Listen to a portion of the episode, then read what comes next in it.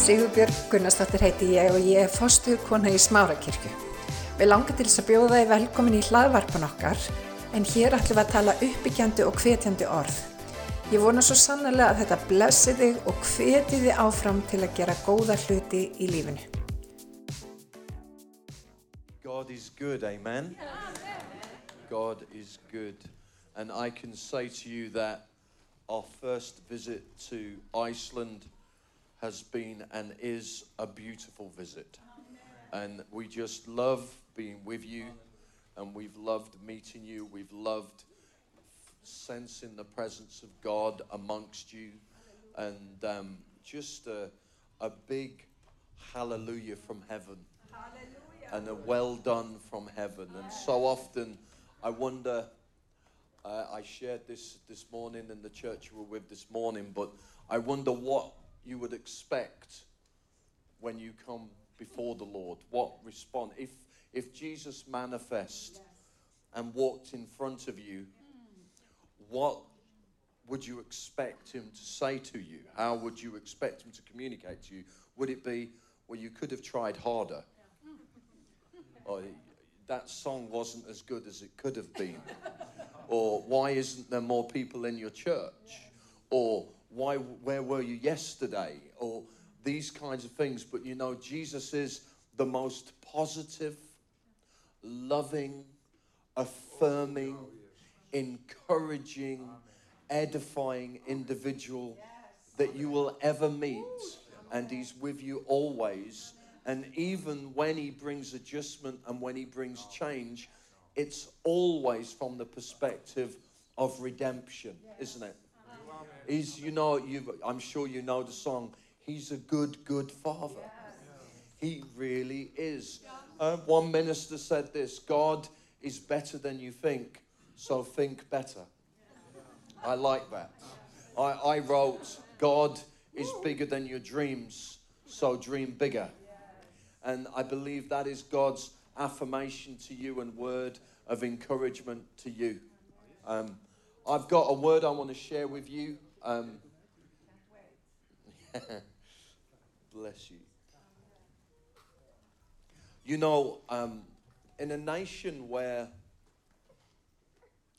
the, the seer's gift is so prevalent, how many of you would say that when you pray you get pictures? Just lift your hands. You feel like you get visions. Yeah, that's that that that would be doesn't surprise me because I can feel that in the atmosphere. And, and then others of you, you'll be in that place that you go, um, I feel things.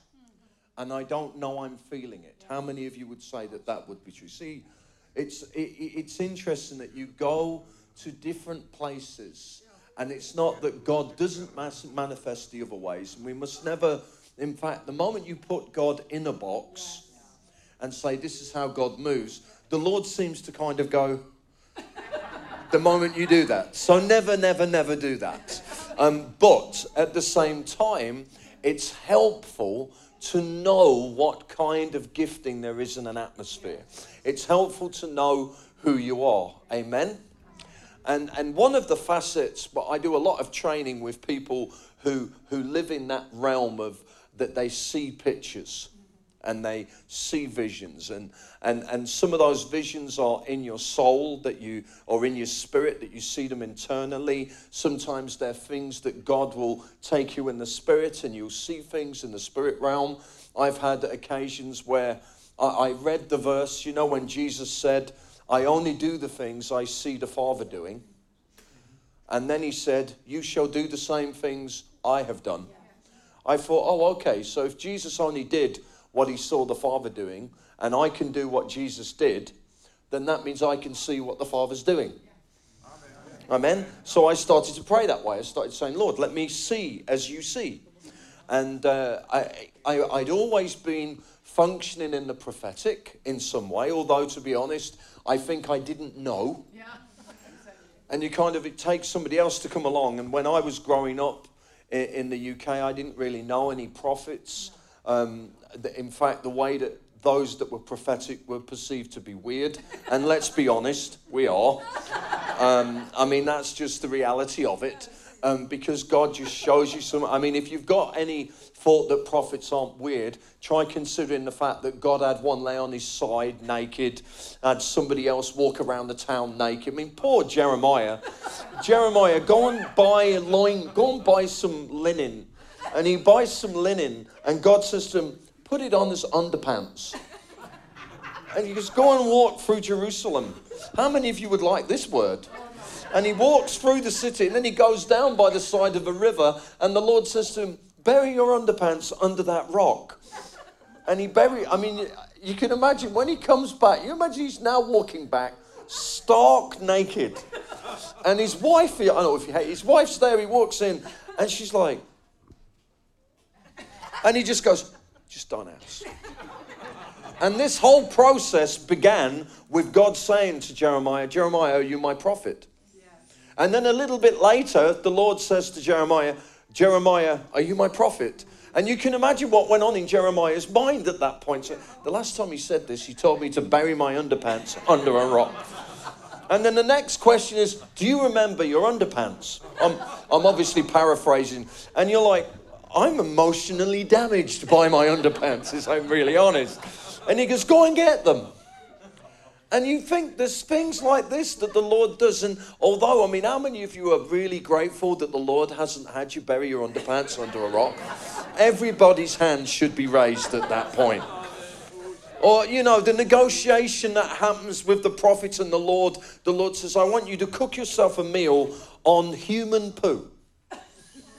And the prophet goes, I don't really want to do that. So the Lord says, okay, you can do it over cow poo. And he goes, okay, that's a good nego. I don't even think even that option was much better, really. But you just see this stuff, and, and we need to recognize that in it, we need to make sense of it. And the Lord brings stuff, and you get visions and you get pictures. I'm saying all of this to preface that when I was praying for you, I, I, I said, Lord, what do you want to deal with? What do you want to break? And um, do you have crocs in Iceland, the plastic, the rubber plastic ones. So I was out, I was fishing, and I got my Crocs, and uh, and and I stood up, and he's like, "Yo, what is wrong with these shoes?" So I take my shoe off, and I look, and there's nothing in the shoe, and there's a hole in my foot. My foot's bleeding, and I think, "What's going on here?" So I put my shoe back on. Yow! Now there's another hole in my shoe, and I look in the shoe. There's nothing in the shoe. I think, what on earth is going on? And you see, you can't get rid of what's causing pain if you can't see it. You need to be able to see it to deal with it. And sometimes what happens is, is there are things in the spiritual atmosphere that are producing damage, and they'll continue to produce damage until they are exposed. We, we had a situation where um, oh, let me finish the clog story first. Um, what I, what I realized was that there was a thorn hidden inside the shoe.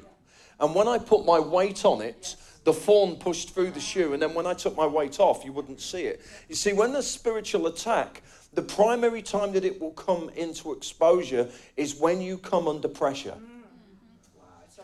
So you see, when there's pressure, these things get exposed. Um, and we were having a, um, a situation, we're working with a dear friend of mine who probably at some point, I'm sure he'll come and help with outreach evangelism in Iceland at some point. A guy called David Lamb, a dear friend of ours, somebody we work with closely. But something weird began to happen.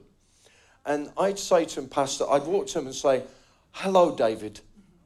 And David, not literally, but David would hear, You're an idiot. and it was literally at that level that we just found our, our relationships were just not working. And, and we were falling out, and there was no reason for it. And it's like a word would come out your mouth and say, I bless you. But by the time it reached the person you said it to, what they heard was, I curse you. This is what they heard. And we're going through this, and it just suddenly happened overnight almost. And I'd been ministering in a church in another city and, um, and I'd ministered there, and it had actually started then, but I didn't connect it at this point. And a lady who was discipling us, who's gone to be with the Lord now, um, she prayed for us and she said, There is Christian witchcraft that is going on. And I'm going to pray for this to be exposed. And she prayed, and I remember we were in our car, and she prayed in the car, and she said, In the name of Jesus, I command spiritual Christian witchcraft to be exposed within 24 hours. So, literally, the next day, I get a phone call from this lady I'd ministered for in this city. And she's speaking to me on the phone, and she said, From the moment that you came, you and your wife came and ministered for you, we decided that you were meant to be a part of our church. So we have been praying for all of your relationships where you are to fall apart and for you to come to us. How many of you know that's a curse? But the thing of it was, is because we couldn't see it, because we didn't know the source of it, we lived in subjection to it. But the moment that witchcraft or any other form of spiritual attack is brought into the light, you can now kill it. Yeah? I mean, if you've got a rat chewing up your house, you can't deal with it till you find the rat. You understanding me? And of course, you the moment the, that something's exposed, you can then neutralize it. And I want to talk to you about that. Second Corinthians 2:11 says this. He says, so that I'm breaking into the middle of a verse, but give me grace um, for the sake of time. It says this so that we may not be outsmarted by Satan, for we are not unaware of his devices. So we know that the enemy has devices. Say devices. The challenge that we can get into is we can be in danger of falling into the place that you could think that when the Apostle Paul said in Ephesians 6, we do not wrestle against flesh and blood, but against rulers and principalities, that there really is no war at all. And there's no spiritual warfare at all. And actually, we just glide through life, and there's no spiritual attack, there's no resistance, and everything in your life is just a product of what goes on, and there's no spirit realm involved. Well, my friends, that is not true. There is a spirit realm. The spirit realm is not more real than the natural realm. Both of them are created. It says God created the heavens and the earth. So we're not Gnostics that we move into some weirdness, but we recognize that there is the natural realm, our physical realm, there is the spiritual realm, and there is stuff that goes on in both. And the physical realm is affected by the spiritual realm. How many of you agree with that? But the trouble is, is we need to be able to ask questions like, why am I feeling what I'm feeling? Why am I thinking what I'm thinking? Why am I doing what I'm doing? Sometimes you're just in a bad mood. Although in Iceland you don't have those, it's only outside. But sometimes it's just that. But then there's other elements. So we don't want to put devils, we say in England, don't put demons on doorknobs. We're not going to blame everything for a demon. If you're in a bad mood, stop it. You don't need deliverance, you just need to behave better. Sometimes it's time to be mature. I've got this really bad temper. Well, stop it. You know, it's like you don't need counseling, you just need to stop it and surrender your flesh to Jesus.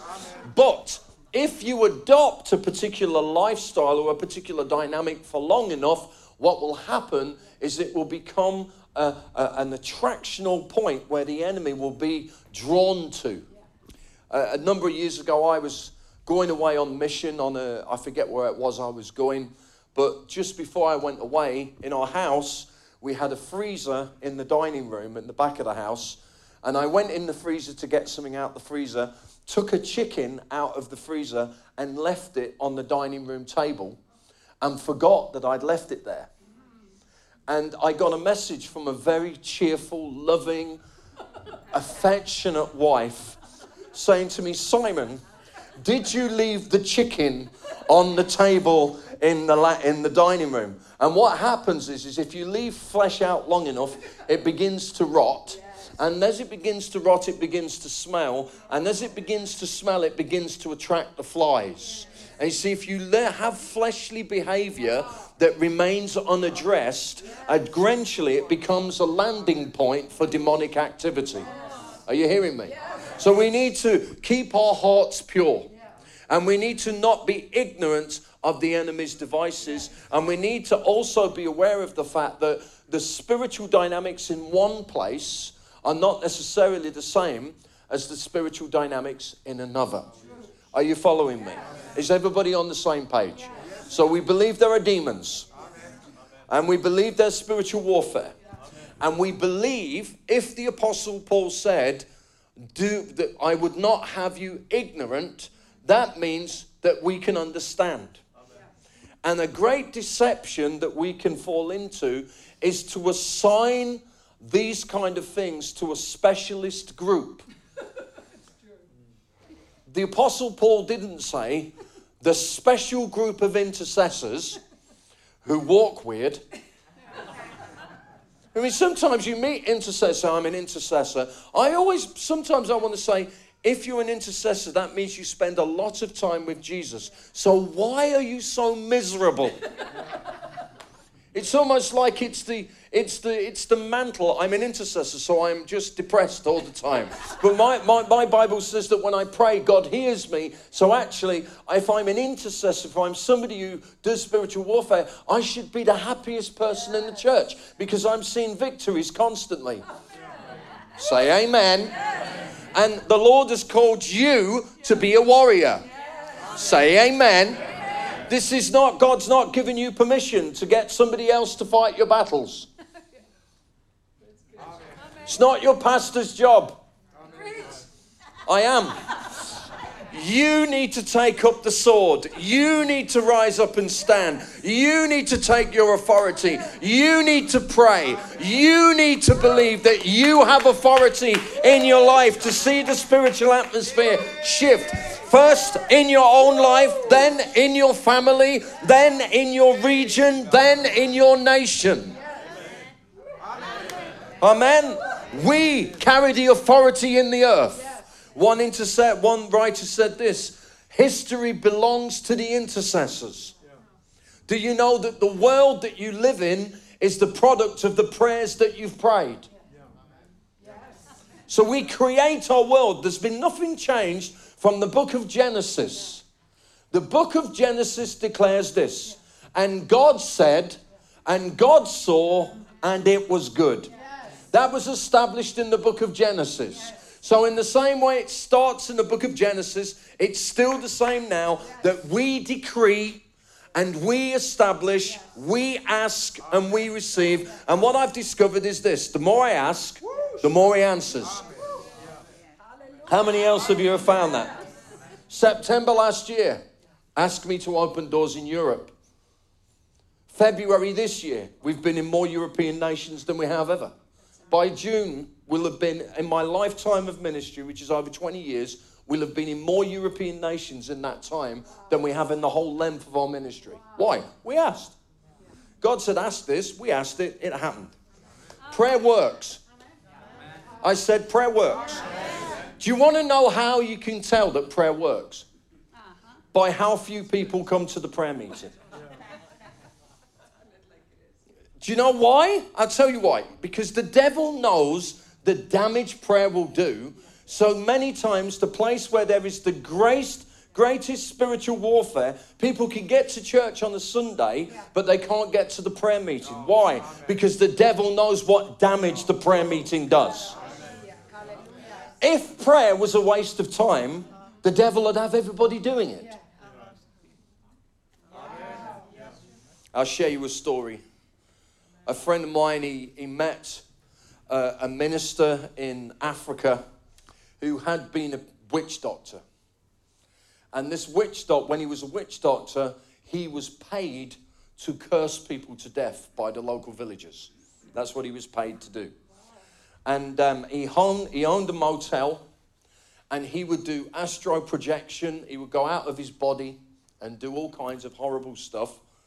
And this one day he's coming back and he couldn't get back in his body. There was like a wall of spiritual resistance over his motel, and he didn't understand why. The following night, he couldn't get out of his body because there was something in the spiritual atmosphere over the hotel.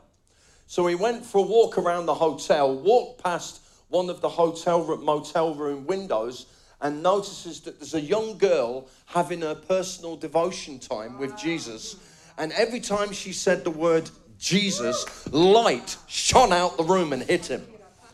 And he'd been told that he was serving the great power.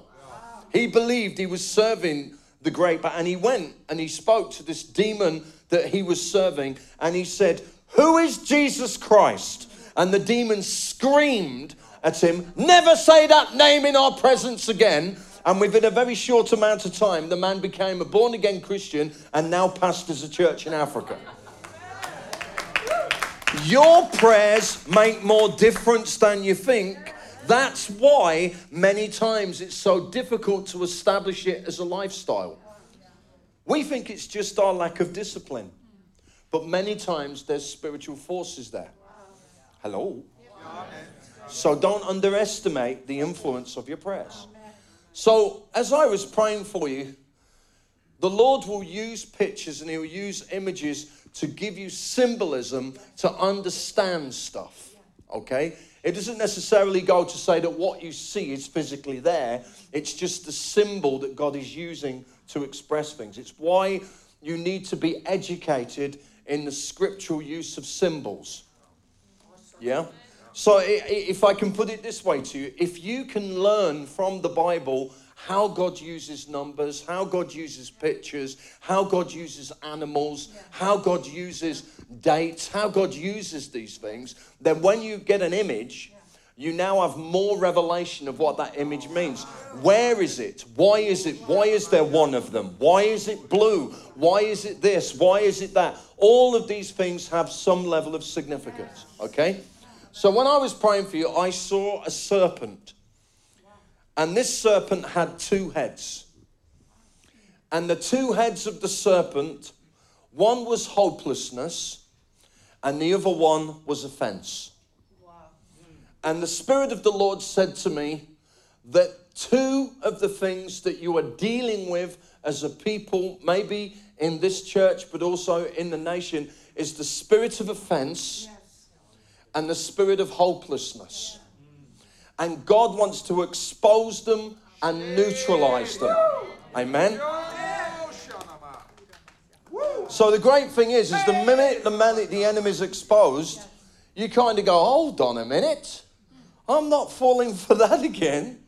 So if you look in Daniel 7 25, Daniel 7 25, we're breaking into a, a, a, a wider st- account but what we're going to do is we're just going to pull a principle out of it. And what we get is we get an insight into the way that the enemy functions. That's helpful, isn't it? Yes. We know that, you know, you do reconnaissance before you do warfare. Yes. So if you can understand what the enemy gets up to, yes. then you have more chance of being preemptive Amen. in stopping him from getting away with it. You think about it, Jesus said, if the man had known what time he was going to be robbed, he would have done something about it. So the Lord wants us to have wisdom. Yes. Amen. Remember, it says the fear of the Lord is the beginning of. Do you know that word wisdom means military understanding? It's not just general wisdom, but it's wisdom to fight effectively. Okay? I used to do karate many years ago. And, um, and one of the guys I, I, I used to train with was very high, a very high grade and he was fighting in a competitive competition in a place called Crystal Palace in the UK. And he was fighting this guy and basically just did this. And what he did is the light, the sun was shining through one of the windows. And what he was doing was maneuvering his opponent so that the sun was shining in their eyes and then punching them on the nose. How many of you know that's wisdom in battle? And that's what God wants us to have. Ecclesiastes 10:10 says, "If the axe is dull, it's hard work. Wiser is the man who sharpens the axe." So the Lord doesn't want you to work harder, the Lord wants you to work wiser. Amen. So often, the way that Christians are in spiritual warfare and prayer is it's like you've got a shotgun and you're just like going, at some point, something's going to hit. But what God wants you to be is to be a sharp shooter, a sniper, that you do less, but you're more effective. How many of you like the sound of that? Wouldn't it be great if you could pray less and see more fruit? Well, if you praying less means you listen more and you get wisdom from God. The fear of the Lord is the headwaters of wisdom. So you come into that reverential fear that you throw yourself before Him, and in that throwing of yourself before Him, you understand it's the Lord that equips us for battle. Amen. And I've got some news for you. We've got some wrong understanding in the church that we go, the Lord's going to fight my battles. No, He's not. He's not going to fight your battle for you. We're told that we fight. Jesus has already won the victory. Amen. In actual fact, when Moses cries out to the Lord, he says to the Israelites, says, only stand still and you will see the deliverance of God. And then he cries out to God, and God says, Why are you crying out to me? It's so hilarious to read. He says, Take the staff that is in your hand and stretch it out. The destiny of your nation is in your hands because the authority of Jesus Christ has been given to his church. Amen. If you want addiction to stop, stop it. Take authority. That doesn't mean nobody will get addicted, but it becomes an atmosphere that becomes resistant to addiction because you begin to decree a different government into the spiritual atmosphere. You'll get Christians, they'll say, Oh, I went to this area of a city and it was so oppressive. Well, how about we begin to create an atmosphere as believers that wizards and warlocks and witches, and they go, I went to Iceland and the atmosphere was very oppressive. I couldn't function in my gift because of the decree of the word of the Lord into the atmosphere.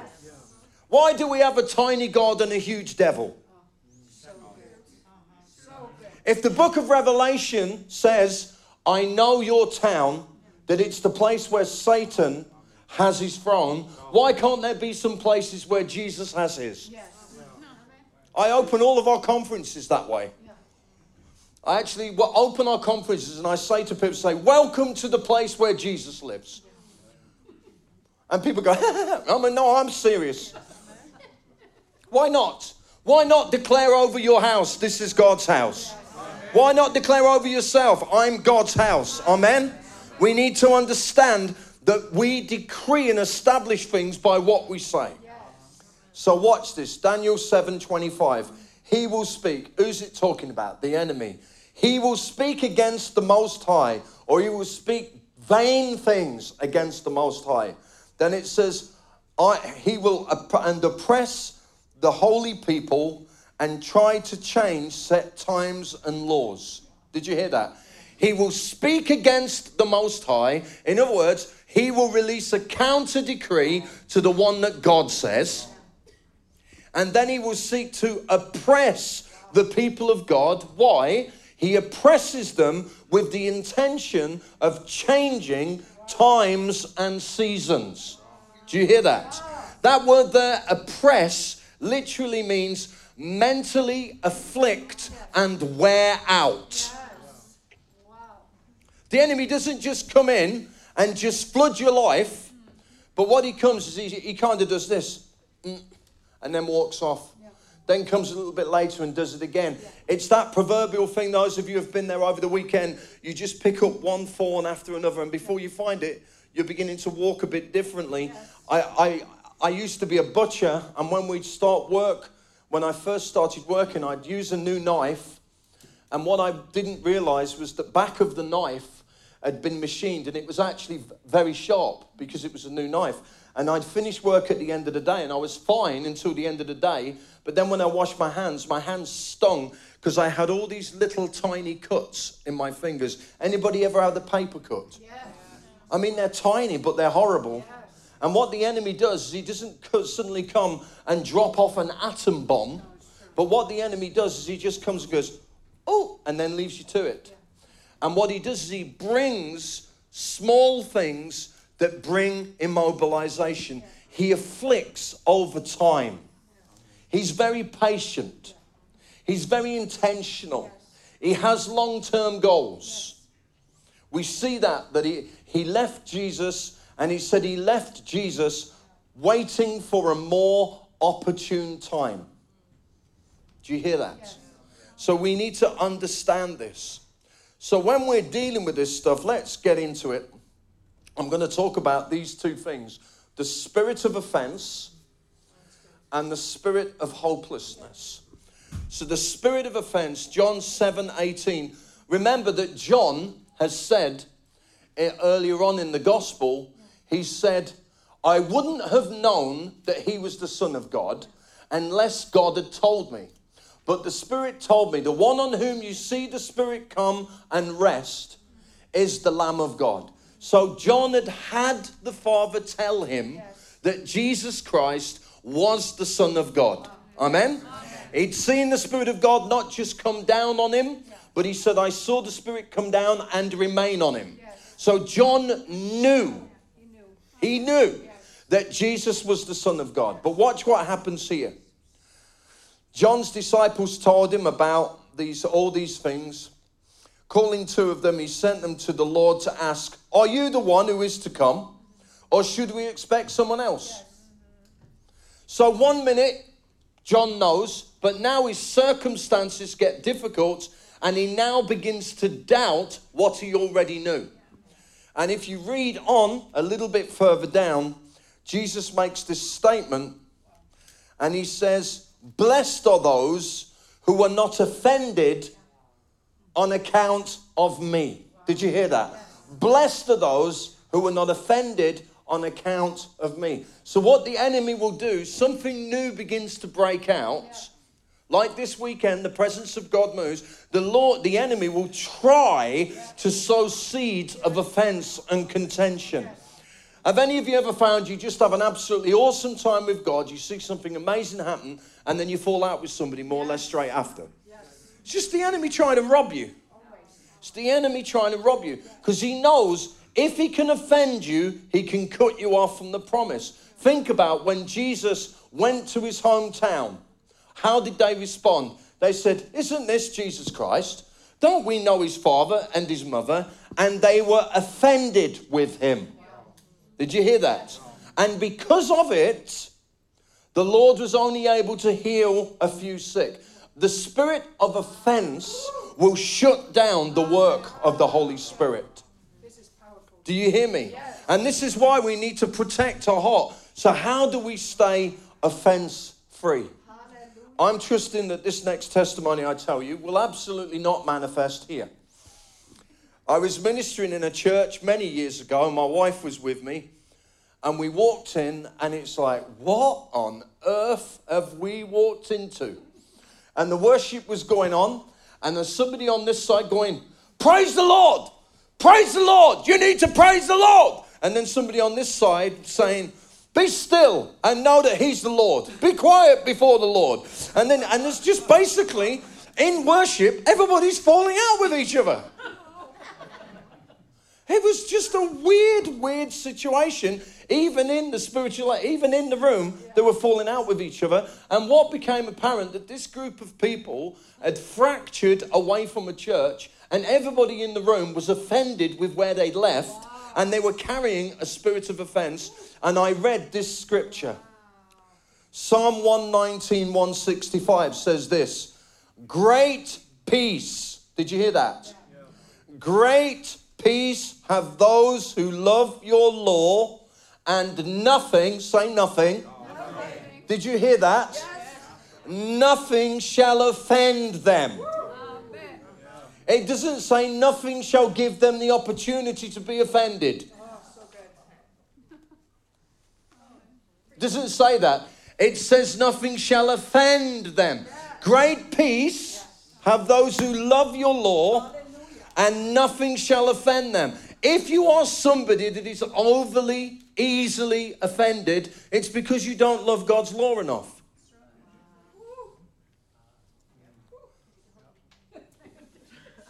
I say that again. If you are somebody that is easily offended, it's because you don't love God's law enough. It's because you don't love His word. Because if you love His word, you would know that it's no longer you who live because you've been crucified with Christ. If I got a corpse and put it just here, you could call it what you like. It ain't going to get offended because it's dead. The only part of you that gets offended is the part of your flesh that's not crucified. And God is so committed to crucifying your flesh, He will create opportunities for your flesh to be exposed. You see it with worship leaders, you see it with people serving in the church, that they do something and they're there on the stage, they're doing the stuff, and go, Well, I'm leading worship and nobody recognized me. How dare they suggest I could do this better? You're a servant in the church, and your gift is to serve the church. You're not Elvis Presley, you're a servant. Just the same as the deacons are servants and the man on the sound desk is a servant. And it's not. If I don't get to complete my full song list, I'm going to be offended. Well, your song list is only to serve the atmosphere of what God wants to do. And if it arrives there before you finish your list, stuff your list. And if you're offended by you not getting to do your list, you're not serving Jesus, you're serving your ego. Oh, that went downward. I had a, a, a, deal, we were dealing with resistance in our church, and there was something that needed to shift, and the meeting wasn't growing in the way that it should. And we went into prayer, and there was only three of us, and I'm praying, and I saw a chair. And on the chair, there was a letter E on the chair. I'm thinking, what on earth is this about? And I saw a hand come and knock the E off the chair. I said, Lord, what? What are you talking about? And he said, When he goes, I will come. You see, sometimes the reason why God is not present in the room is because there's so much ego on the stand. Just to say, I'm not talking about you. Um, but you can feel it. You can feel it. Yeah, I am the latest superstar. No, you're not. You're a servant of Jesus Christ. And you get down and say, Well, I led worship for three days and nobody said thank you. Dead people don't need to be thanked. it doesn't mean that we don't encourage each other. That's not what I'm talking about. But when you're in the place that you require thanks for you to do something, it's now transactional, not servant hearted. But I have a right to be offended. No, you don't. No, you do not. The level to which you adopt offense is the level to which you open a door for demonic activity. There's a Greek word called scandalon, and it literally means if you've ever seen a bear trap, it's the thing in a bear trap that when you put your foot on it, it causes the bear trap to slide to close. It's literally the trigger. And what the enemy will do is he'll try and put a trigger in your life to trap you. Yes. So somebody's talking and they go, you know, some people have got hidden, I'm deliberately looking at you right now. Some people have got hidden sin in their lives. And then you look over here and she walks out, how dare he suggest I've got hidden sin in my life? That wasn't what happened. I was leading worship once and I'm leading the meeting and the person who I used to, tr- to sort of help me lead the meeting was my friend David, spiritual dad to me. And I'm looking, I'm trying to lead the worship. I'm looking at him and he's going, I feel, oh, I'm getting it wrong, getting it wrong. So I changed the song and he's still going. and by the time we were finished, I finished the worship time and his face was like this the entire time. And by the time I got home, I was the most abysmal, terrible worship leader that had ever been born. It was utterly awful. I'm thinking it was terrible. I don't know what I did wrong, but it was awful.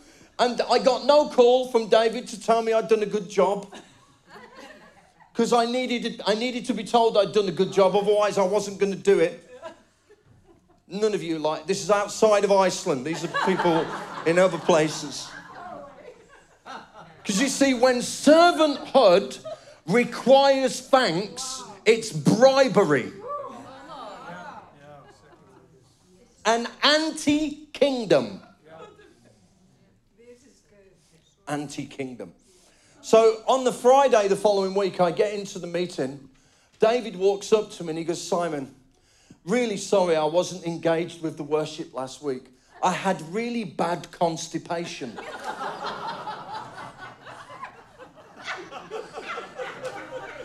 the entire worship session was led by the fact that he could not have a poo.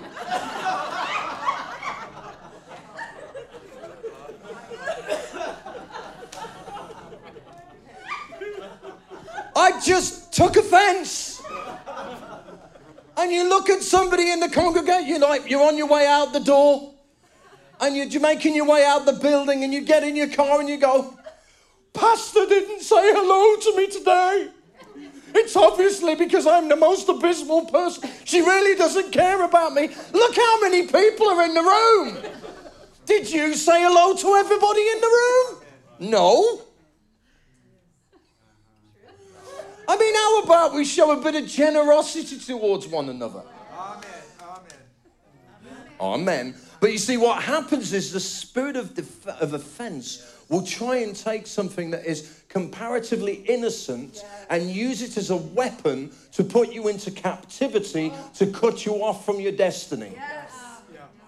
I've seen people, they're offended. They go from church to church to church. They've got a prophetic gift. This is mainly the people, generally, people with prophetic gift. And they, and they don't understand how to function in the gift in a mature way. Okay? That's fine and they bring something and they don't deliver it as maturely as they could have done. And therefore they get told, We'd like you to do that a little bit better.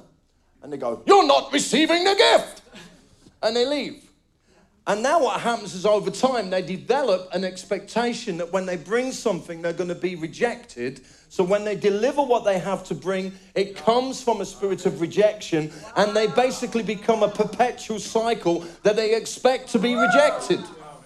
And then they'll go, Nobody receives me. Well, of course they don't. They know what you've got. Wow!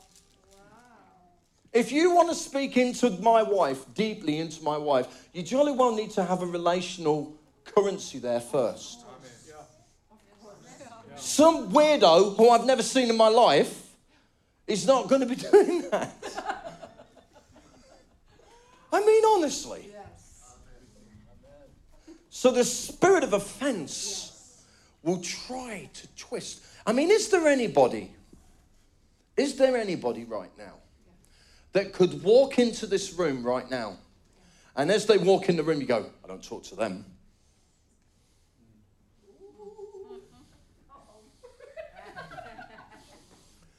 Do you know what happens in the demonic realm?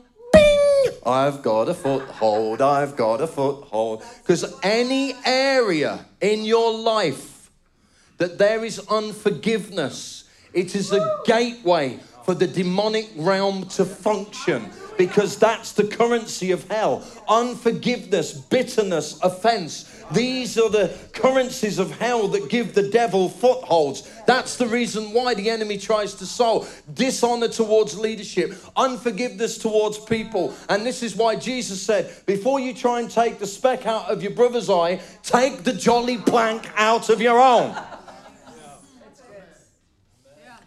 If you needed brain surgery, yeah. would you let a blindfolded person do it? No. No. So let's recognize and show grace to one another. And I do, I feel like the enemy would love to, and it, I, I'm sorry, it is in music. There is some stuff that the enemy would like to do. And this is not just to Iceland, okay? This is something that's happening around the world that there is this superstar thing that's trying to raise its head, saying, well, the church will not succeed without us. Go to India. They've got a polystyrene box and a stick. And the, and the electric's go, it's gone out, and there's tumors falling off. Clearly, it's not about the music, it's about his presence. We want brilliant musicians. We want brilliant songs. We want excellence on every level, but we must never idolize it to the point that we say it's essential for God to do what He needs to do. Amen? And that's true in any area. So when you're serving, you're not transactional.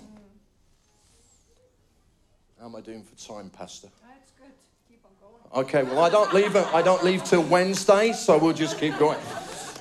It's not. Tra- I mean, watch this. How how it's infiltrated the church.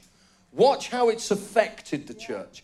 Because of the offense that's come because of the mismanagement of money. Okay? So there's been mismanagement of money in the established church.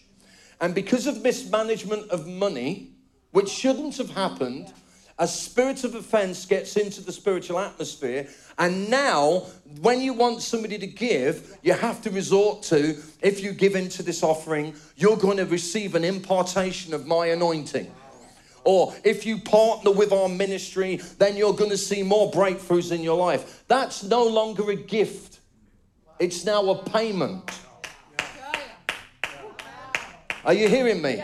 And we need, as God's people, to break away from transactional Christianity that says, I give because of what I'm going to get, rather than I give because it's family. Hello? You see, you're generous to your family.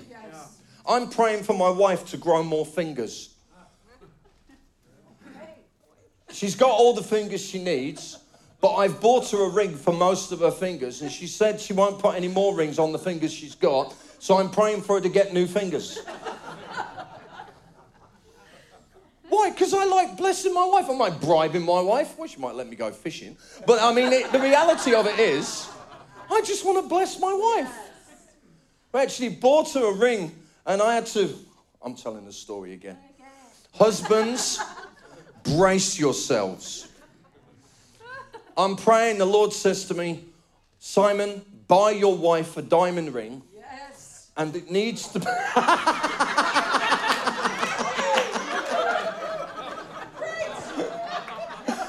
and the Lord said to me, buy her. What happens when I share this story is all the ladies in the church hit their husbands and then they want to see the ring. Okay. But the Lord said, buy Joe a ring and it needs to cost this amount. And I went, Lord, I don't have that amount of money. And he said, I wasn't asking.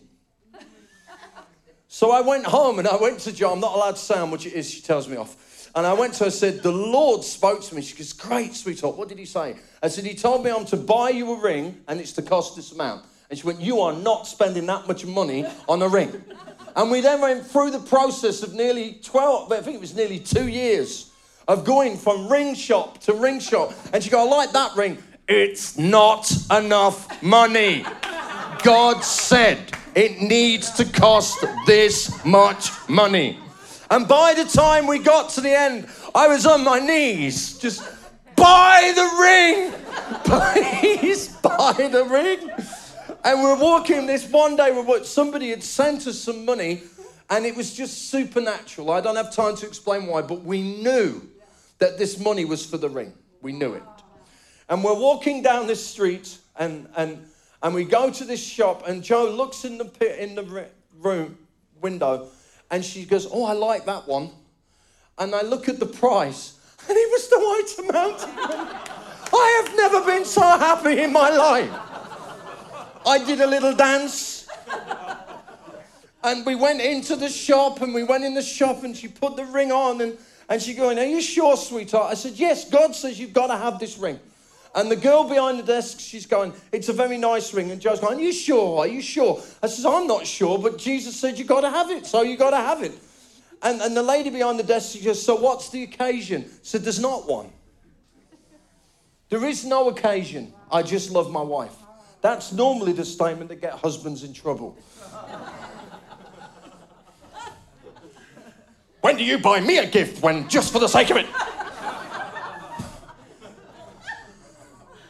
so I then walk out the shop and I'm walking down the road, and then Jesus speaks to me. And Joe's still going, Are you sure? Are you sure? Are you sure? And Jesus speaks to me. He says, There's the problem with my church. I said, What's that? He says, I want to bless them, but they're not prepared to allow me to bless them because they don't think they're worthy. See, that's the nature of God. He just wants to bless you because he thinks you're great. He doesn't want to heal you so you can have a testimony. He wants to heal you because he loves you. It's nothing transactional about it. Did you hear me? And in our giving, it needs to be the same. I'm going to give £10 in this offering. I expect £50 back. I mean, do we have like a gambling machine at the front? So you end up with this situation. If you sow into this ministry, you will assure your destiny in God. Why is that language used? Because the church is transactional, not heart connected. Why is that the case? Because the spirit of offense have attached itself because of abuses historically, and now the church's finances have been locked up because we're no longer functioning in kingdom principle. And there's a difference between sowing for harvest which is a biblical principle, but also giving a free will offering just because you love God. Amen? So we need to break that spirit of offense off of our lives. And the list goes on. And 99% of the time, the time that the spirit of offense comes is because there's been abuse. And because there's been abuse, we feel justified to hold our position. But holding a position of offense because there's abuse is not correct. You forgive. Yes. Did you hear me? Yes. I mean, how offended do you think God was by how you behave?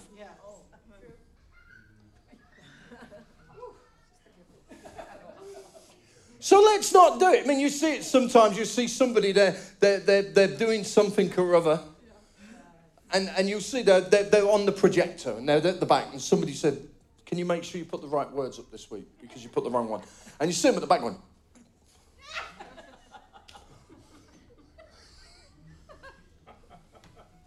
I'm offended. and it's my right to be offended. And when you apply, when you go into rights, you go into legalism. And when you go into legalism, you go into the demonic realm. And when you go into the demonic realm, you are now vulnerable.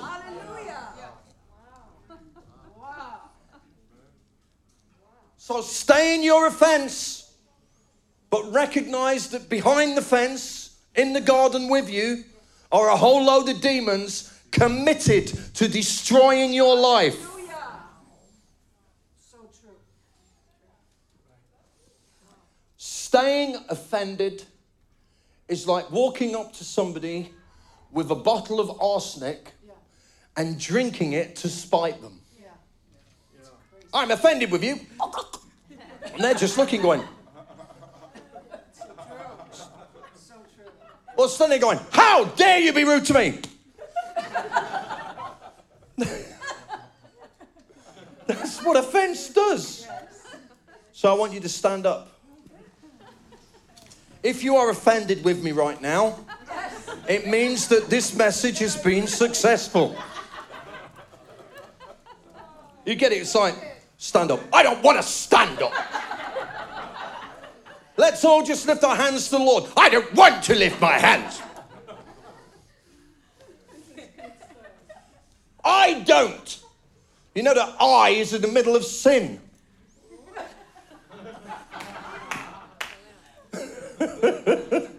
so, Father, we come before you right now. Do you know how to deal with really difficult stuff? I'll tell you, I'm going to give you a, a, a secret. Are you ready? If you want to deal with really confrontive stuff, make people laugh while you do it. Yes. And they go, ha, I'm getting slapped. And it's. and like, I've just really been rebuked. And it's really funny. And then actually you realize the foolishness of it.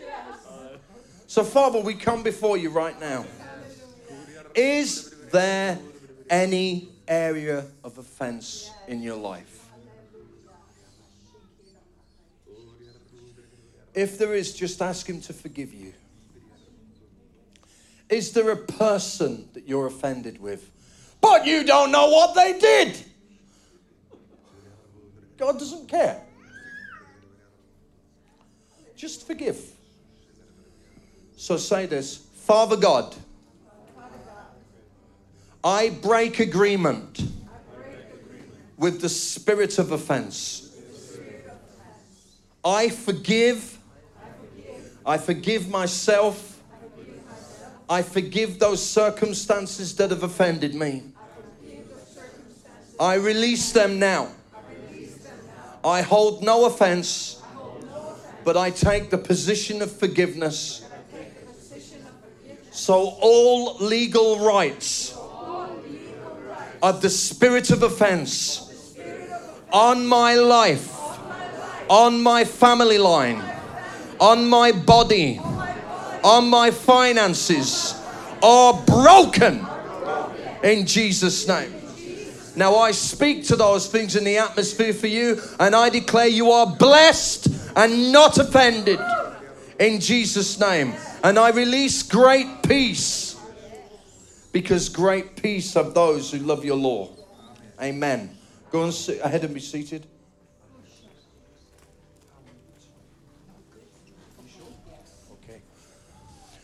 So I was in Redding, California. This gives you a little bit of an idea of what offense can do. And the guy ministering, he says, um, I feel like there's somebody, you've got a bad, you've got a neck injury, and you're in this side of the room. And this lady stands up and she's like this, her neck is like this. And, and she goes, It's me, it's me. And he goes, What's wrong? And she said, Well, I was driving my car and the cow walked in front of my car and I hit the cow and I got whiplash and damaged my neck. And the speaker, he says, Have you forgiven the cow? And I'm like, Pardon? And she stood there, and you know when somebody's got a bad neck, they're like that, aren't they? Because you can see it. And she goes, No, I've not forgiven the stupid cow. Because you see, the object of your unforgiveness is not the issue. It's what happens in the spirit realm. Yes, but my dad abused me. My wife. It's none of that is relevant right now.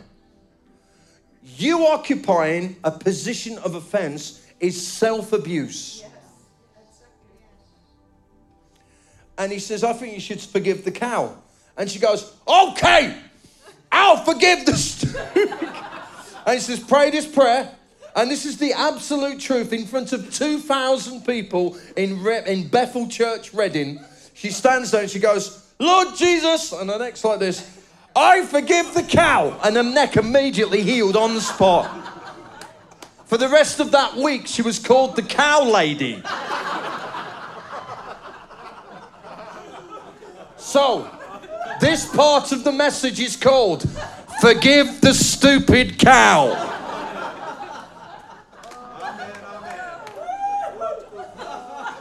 So we've dealt with one head. But you see, this spirit of offense, what it'll do is it will bite you and bite the neck, and, and it opens the door for the spirit of hopelessness. And we're going to kick it in the teeth. Psalm 6. I mean, this is not a psalm to read when you're not having a good day. There isn't going to be a song written from this psalm. You're not going to come away from singing this psalm going, My bed is covered in tears. I'm dying down here. It's just not a song you want to sing. We have a song, you know, yesterday. All my troubles seem so far away. Suddenly, there's a cloud. It's, it's just like, this is just a depressing song. Well, this is a, quite a depressing song. And David's just not having a good day. And he goes, Lord, you need to read it how it's written, you know. Lord, in your anger, don't rebuke me. In your wrath, don't discipline me. Be gracious to me, Lord, because I'm fading away. Heal me because my body's in distress. My soul is deeply distressed. How long, Lord? You ever felt like that? Return, Lord, save my life, deliver me because of your gracious love. In death, there is no memory of you. Who will give thanks for you when they're dead? I mean, he's not having a good day, is he? I'm weary from my groaning. Every night on my couch, I'm having a pity party. It's drenched with tears. My bed is soaked through. This is the verse I want to get to. My eyesight has faded because of grief. Wow. Did you hear that? Yeah. My eyesight has faded because of grief. It has dimmed because of all my enemies. My eyesight has faded because of grief. That word there, eyesight, is literally the word wellspring. He's not saying he's gone blind. He's not walking around like this. What he's saying is the oppression, the enemy, the word there, enemies, literally means the narrow place. So the squeezing and the difficulties, the affliction of this narrow place has caused my wellspring to dry up. Yes. That's what it'll do. Yeah. The reason why it's a wellspring is because it's Ain, and it's literally the eye of the ground, is literally what it means. So it's the eye, a well is an eye in the ground. So it's literally saying, because of my difficulties, my well has dried up. And this is what the enemy does, and it's horrible. Discouragement is horrible. The most ferocious, damaging, wicked force in the earth is hopelessness. Hope deferred makes the heart sick. Hopelessness opens the door for so much destruction and despair in your life that you come to the place, and I know because I've been there, that you come to the place that you're physically you begin to become numb. And you and you worship, but you lift your hands and there's nothing there. You just feel cold. We went through a, a two year building process where we, we, we restored this building, and it took a long time and a lot of hard work. And on the night that we dedicated the building, a dear friend of ours, a prophet, he looked at us and he said, As you move into 2008, do not be intimidated. And I can remember turning to Joe and going, That's not a good word. Because if God says don't be intimidated, it means you're going to have opportunity to be intimidated. That night, on the night that we dedicated the building, somebody burnt it down. A day later, somebody stole my car. A little bit later the same week, the ceiling in our lounge fell off. By the end of 2009, I'd become so discouraged that I put, I'd actually already got a back injury, but I literally could barely walk when I preached because basically I knew you couldn't resort to, to, to drugs or those things. But what happens many times is dysfunctional eating, dysfunctional eat or drinking. You just try and find a way to numb yourself to the discouragement that you're dealing with and I was literally immobilized. I was literally walking like this. I'd finished preaching, was in pain constantly because I put on so much weight. It's funny now, it wasn't that funny at the time, that I was sitting in the lounge and I said to Joe, I said, Joe, where's the remote for the TV? And she goes, I haven't got it. I said, Well, where is it? And she goes, I don't know. And I leaned over to find it and realized that it was in the flab. I could actually change the channel by doing this. And all of that weight on two vertebrae in my spine out literally resulted in when I finished preaching, I literally walked like this. Because hopelessness had hit. Hopelessness is a weapon that the enemy is using against men in this day because the role of the husband and the father in the house is being so attacked that they feel no value. And because of the stigma of being prepared to say, I find this quite discouraging, you find that men are internalizing the pain. Yes, it's true. And we need to deal with it. And hopelessness kicked in. At the beginning of 2010, the Lord spoke to me and said, John 10 10 for 2010. John 10 10 says this the thief comes to kill, steal, and destroy, but I've come that you may have life and life in all its fullness. And the Lord said this to me He said, Simon, the first half of the verse is not a promise to have faith for. You're not meant to believe, well, the thief comes to kill, steal, and destroy. You're not meant to have faith for that. You're meant to stand against it. And that word, fullness of life, it means exceptional life, extraordinary life, the highest standard of life. It means super added, abundant life. Yes. If you look in the Greek, the list of things that it means is literally about that long. Yes. And Jesus came for you to have that. Yeah. And Jesus said to me, Everything in your life that doesn't reflect fullness of life is subject to change. I was nearly entirely immobilized. We'd got deeply into debt because we've personally invested in the building and we got a debt that we physically could not pay. It nearly totally bankrupted us. But we began to decree. And I read this verse in Job. How many of you know it's an absolute miracle to find an encouraging verse in Job?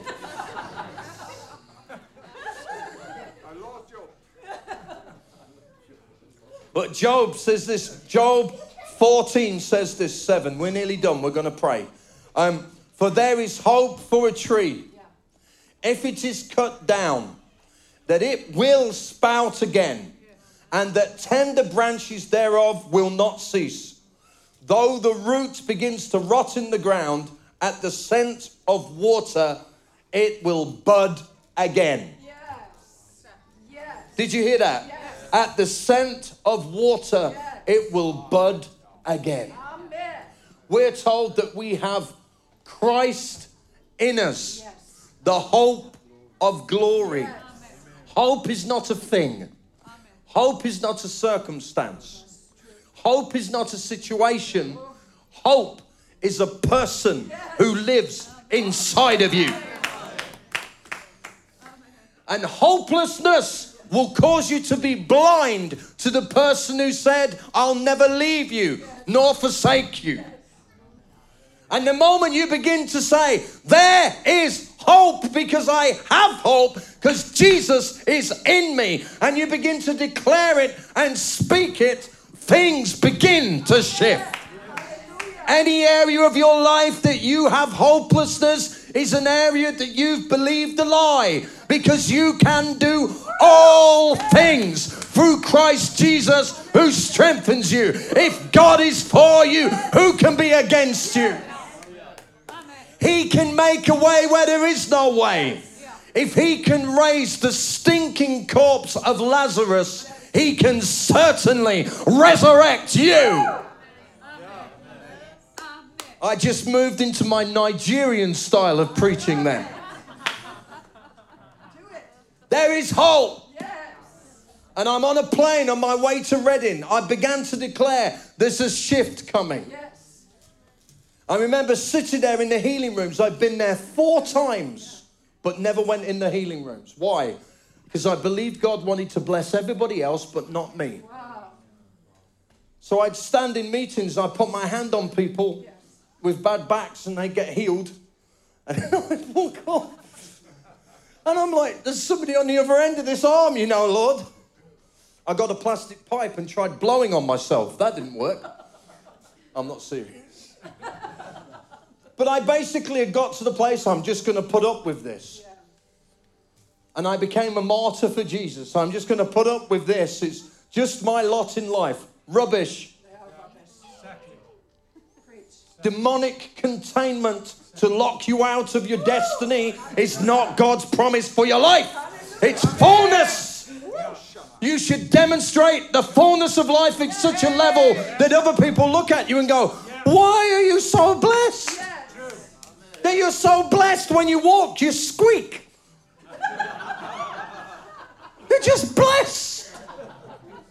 Just can't help it, I'm blessed. And you begin to declare it over your life. And I'm sitting there in the room, and this young guy walks in and he goes, God's just told me there's somebody here, and you've got two vertebrae out in the base of your spine. Years earlier, I'd fallen down the stairs. That's how I damaged my back. And I go, Well, that's me. And I stand up and there's a bang, and my back straightened. I've never had a problem with it since. Amen. We were £44,000 in debt. We had no hope of paying the debt off. And the Lord said to me, There is a financial attack, there's a spiritual attack on your finances. And I called a friend and I said, Is it possible that this, this, and this could happen? And she prophesied down the phone and she said, The Lord says, and she began to talk about what was going on. And we prayed. I put down the phone Half an hour later, somebody phoned and they'd lent us £4,000. They paid it off. They said, You don't owe me that money anymore. A little bit later, the same day, uh, uh, the same week, we owed somebody else £10,000 and they paid it off. They said, You don't owe us that money anymore. The following Sunday, we had £30,000 paid off. Within two weeks, £44,000 of debt was cancelled. Because the spirit of hopelessness had taken us captive, and we believed that lack was our inheritance, insufficiency was our inheritance, that we were the black sheep in the family. And even though everybody else was going to be blessed, we were just going to have to struggle and battle. And suddenly there was a shift in thinking. We went on holiday for our anniversary to Dubai. And we arrived in the hotel, and they're giving us an upgrade in the hotel. And I looked at the upgrade, and I looked at John and said, That upgrade's not a good enough upgrade. Let's believe for another upgrade. And by the time we got to the counter, this is the absolute truth. The lady at the counter, she goes, So your room's been upgraded, but I'm going to give you another upgrade. And they gave us the penthouse suite in the hotel. See, these are the days of God's favor. Everything in your life that doesn't reflect favor is a demonic attack that you can shift. And I'm not talking about the prosperity gospel, but if you believe God wants you in lack and wants you in sickness and wants you in captivity, you don't serve the God I serve. The God I serve has baskets overflowing. He wants you so blessed that you can be a blessing. And there's been a lie that the enemy has put inside of you that you can look in the mirror and you know what internal conversation goes on. And people say, How are you doing? And you go, I'm fine, everything's wonderful. But inside there's a different conversation. Well, God is breaking that lie today and He's bringing you into freedom. And He's breaking the spirit of hopelessness off of your life. Amen. Some of you have had financial cycles where you've constantly failed. Some of you have had relational cycles where something's worked and it's failed. It's hit you again and again and again, and it's just got you to the point where you've gone, This is never going to change. But the Spirit of God says, All things are possible for those who believe. And right now, the light of heaven has shone on that spirit of offense and that spirit of hopelessness. And what does it say about serpents? It says, You will put your foot upon the head of serpents. He who is within you is greater than he who is within the world. I want you to stand up. Hopelessness, we see you for what you are. And you are a demon. And you have tormented the people of God long enough. And we declare that we are more than conquerors through Christ Jesus who strengthened us. We take our foot and we put our foot on the neck of the spirit of hopelessness now and we break your power off of every person in the name of Jesus. Hopelessness in finances, hopelessness in relationships, hopelessness in every area. We speak to you in the name of Jesus and we say, Go, go, go, go, go. The Lord says there is an entrepreneurial spirit upon your life, and there is financial capacity to generate money. But the enemy has tried to lock you out of it, but today it breaks and he gives you hope. Hope for the future. Hope for the future. And we declare it is written everything that the enemy has stolen he must give back sevenfold. We declare it is written, He will restore the years that the locusts have eaten. And I declare every second that has been stolen from you is restored to you now. There are those that you've had your night stolen because of abuse. You've had your joy stolen because of abuse. And you carry such loss in your heart. But the Spirit of the Lord says this I bind up the broken-hearted. Put your hand on your heart. There's some of you, you've been emotionally numb and you didn't even realize it.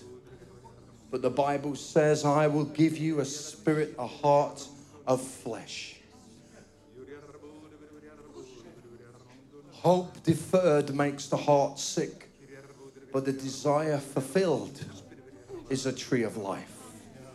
And right now, I speak healing over your hearts. I speak healing to numb heartedness. And we thank you, Lord.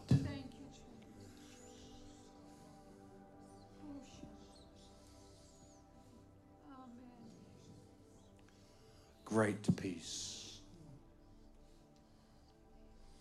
Great peace have those who love your law. There is hope for a tree that at the smell of water it will spring again.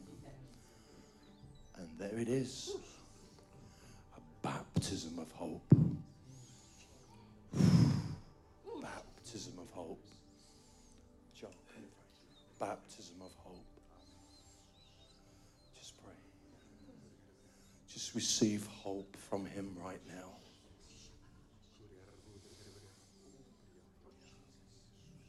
The enemy has tried to change the season, but he's failed. He's failed. He's failed. Enter into your inheritance. In the last days, I shall pour my spirit upon all flesh. Receive that now. Receive it now. Breathe it in. Breathe it in. Every thorn in your shoe, I remove it in Jesus' name. Every cycle of defeat, every sense of taking four steps forwards and five steps back, there is hope. There is hope. There is hope. All despair breaks in Jesus' mighty name. All despair breaks. The lie, I'd be better off dead, is broken. The lie, these circumstances will never change, is broken. I speak to everything that is out of alignment. I say, be straight. If you have sickness in your body, just put your hand on your body where there's sickness right now. Father, we receive healing. Receive it. Receive it. Receive it. Receive it. Just receive it. It's easy because He does it. He does it. I see the Spirit of the Lord going inside of you and rearranging your insides and putting everything in order. Thank you, Jesus. Thank you, Jesus. Where there's been some stuff in your digestion that's not been right, it's coming into alignment now. Where there's been pain in joints, it comes into alignment now. Where there's been a cap on your finances, that cap breaks now. And the scripture says that we comfort others with the comfort that we've received. And I heard the Spirit of the Lord say about this church you will be known as those who give hope to the hopeless. I see the despairing coming through the door. I see their lives being restored. I see people with no business birthing businesses. I see broken marriages being restored. I see the fatherless and the motherless finding belonging. And the Lord says, Your influence will reach beyond the borders of your nation. He says, Surely you will put the orphan in families. I see teams of missionaries going from this church to the nations. And the Lord says this I have spoke into your foundations that you are an apostolic house. But the enemy has tried to steal and tried to lock it down. But I say to you, when I speak, it comes to pass. And I say, no more delay. No more delay. No more delay. No more delay. And the Lord says, This property will extend to the left and extend to the right, and I will increase your territory, says the Spirit of God. The Lord says, I will increase your faith and I will increase your expectations. And the Lord says, you will plant churches and you will plant house groups and you will have houses of healing and houses of prayer. And the Lord says, I will cause you to dream big dreams again. And the Lord says, Watch as I open doors to the youth and the young people. And I see this building flooded with children celebrating and enjoying the presence of God.